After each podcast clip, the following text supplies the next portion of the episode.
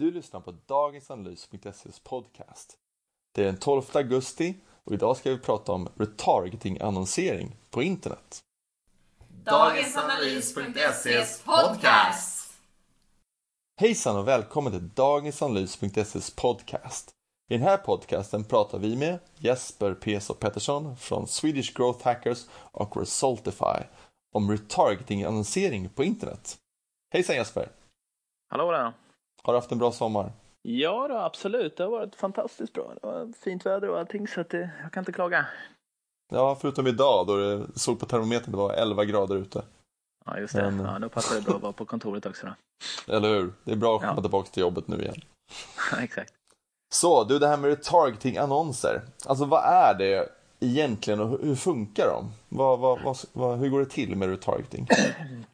Alltså retargeting är ju en annons, eh, ett annonsformat som går ut på att eh, man jobbar med cookies på de som har besökt eh, en speciell sida och så visar man upp ett specialanpassat innehåll för de som har varit inne på den sidan. Så om man till exempel har varit inne på en e-handelsbutik och så har man tittat på ett visst produktsegment eller till och med på en viss produkt så eh, har man då möjlighet att visa upp en annons med det produktsegmentet eller just den här produkten för den personen eh, i annonseringslösningarna. Till exempel då på om man varit inne på Zalando och kollat på ett par skor så kan man då få de här annonserna sen när man är inne på Aftonbladet. Eh, så Ja, som en påminnelse liksom att du har sett det här en gång och du, köp liksom. Mm, ja men exakt ja. Så att eh, väldigt många eh, e-handlare, eller egentligen de flesta e-handlare har en väldigt hög eh, abandonment rate. Eh, vilket innebär att alltså, man går in och kollar på grejer och sen så går man ut. Eh, och även eh, så att man faktiskt har lagt grejer i korgen och så. Jag tror det ligger runt omkring 80 procent utav alla varukorgar som har fyllts i eller de har lagt till saker eh, överges. Och eh, väldigt många gånger så kan det ju vara så att det är faktiskt saker som har avbrutit eller att man faktiskt ville genomföra det. Men av någon anledning så har man inte kunnat genomföra köpet. Och då är det ju väldigt hög eh, return on investment på att påminna de här användarna om att ja, men här, här är de sakerna som du tittar på och du kanske ska genomföra köpet. Jag skrev en artikel idag om eh, min frustration över de här retargeting-annonserna på internet. För vad jag upplever är att de fungerar inte som, som det är tänkt att de ska fungera. Um, Mm. Jag har köpt eh, under sommaren ett par Crocs som jag tycker är Mm. jättesköna att gå i. Ehm, och då efter det köpet har jag fått se Crocs-annonser nu över hela internet. Mm. Och, och andra halvan av sommaren köpte jag ett par surfshorts och sen den dagen har jag fått se då också surfshorts-annonser på hela internet. Och med hela internet menar jag då den, här, den som jag upplever som min internet. Då. Så Mm. va- varför? Det här driver mig till vansinne att behöva se de här förbaskade annonserna om och om och om igen. Men, är- Mm. Så är det väl inte tänkt att fungera med retargeting? Nej, det är ju inte det. Eh, anledningen till varför det verkar synas överallt, det är, ju- överallt det är just för att eh, du kan också få det i Googles displaynätverk, vilket eh, och då kallas det för remarketing, men det är exakt samma sak. Displaynätverket är ett väldigt bra sätt att, så att säga, fylla ut ditt annonsflöde om du inte har tillräcklig täckning.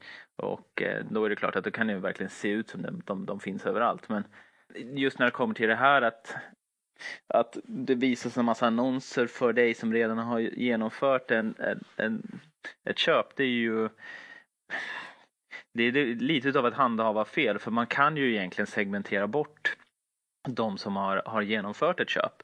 Vilket innebär att då behöver man inte köra annonsering för dem. Um, det är lite svårt att säga exakt vad det här beror på i, i de flesta fallen. I vissa fall så är det säkert att man bara tycker att ja, men det här funkar eh, ändå. Att man ser att man ändå också faktiskt får en, eh, eh en, en, en, en bra return på även de som man påminner om icke-relevanta produkter så kanske de går in och, och, och köper någonting annat igen då. Och I vissa fall så kanske man bara typ skiter i det och tycker att ja, men det, det ger inte lika, det ger inte så mycket eh, för mig att hålla på och försöka segmentera bort de här grejerna.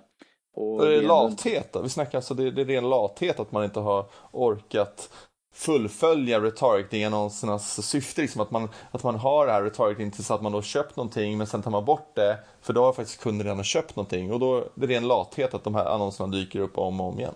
Ja, alltså det, det, det, kan man väl säga. Det, för just incitamentet för någon som sitter och gör de här annonserna, det är ju väldigt lågt egentligen för att de struntar ju i om, om det så att säga irriterar på en, en sida. Eh, så länge inte deras varumärke skadas och oftast ju mer exponering man får eh, så har ju alltid de här branding-effekterna som väger upp för det så att eh, den typen av reklam har ju alltid fungerat och publishern eh, bryr sig inte heller mycket för att här handlar ju om eh, annonsförsäljning och så länge de kan sälja annonser så tjänar de också pengar på det. Eh, men det är just den här eh, varumärkes skadan som många inte kanske tänker på på lång sikt och, och det är inte någonting som, som någon har ett incitament av att eh, egentligen, eller det är inte lika starka incitament att försöka rädda sitt varumärke kontra att man faktiskt kan sälja grejer eh, eller sälja annonser då så att eh, Men vad det, här, vad det här resulterar i att det driver, in, driver ju fram installationen av reklamblockerare. Mm, ja men absolut. Alexander Bard har ju det här som en stor käpphäst eh, när han liksom säger att eh, internetmarknadsförare eller marknadsförare eller eh, den typen av kommunikation den är så att säga dödsdömd på lång sikt. Och, och det, kanske, det kanske är sant.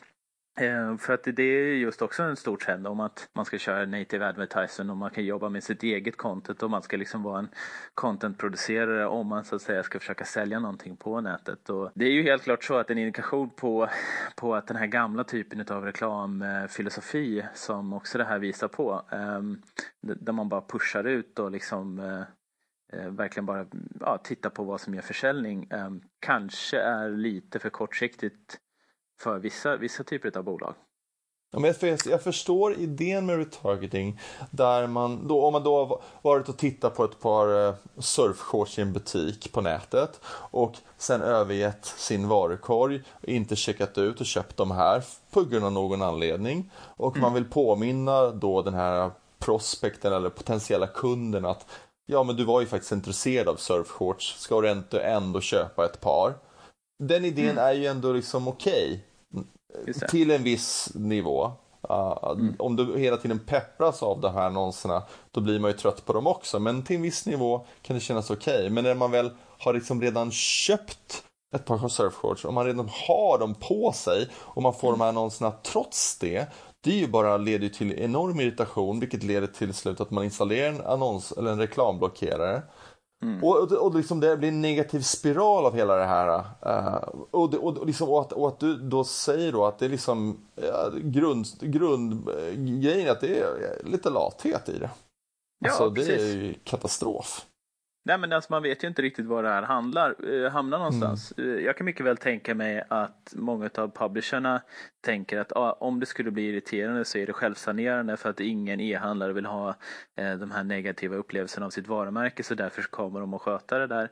Eh, mm. Medan då eh, de som e-handlare kanske skiter i och tänker att Ja, nej men det är ingen som har sagt någonting och det är väl upp till publishern att liksom återberätta om har fått dålig feedback på saker och ting. Alternativt eh, att det ska komma in på kundservice eh, och att man liksom upp, följer upp där. Men eh, uppenbarligen så är det ju ingen diskussion om det annat än att and, slutanvändarna faktiskt irriterar sig. Men det är ingen som har tagit ansvar eller ens tagit upp det till någon slags diskussion eller debatt.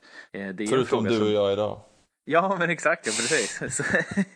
nej men så, så jag vet inte, det skulle ju, alltså saken för den, det, det är rätt svårt för en publisher att tvinga någon att, att inte göra så. Däremot så eh, kan de ju faktiskt påminna eh, om att eh, det inte är ett bra sätt att göra på, att man inte segmenterar bort de som faktiskt har fullföljt ett köp.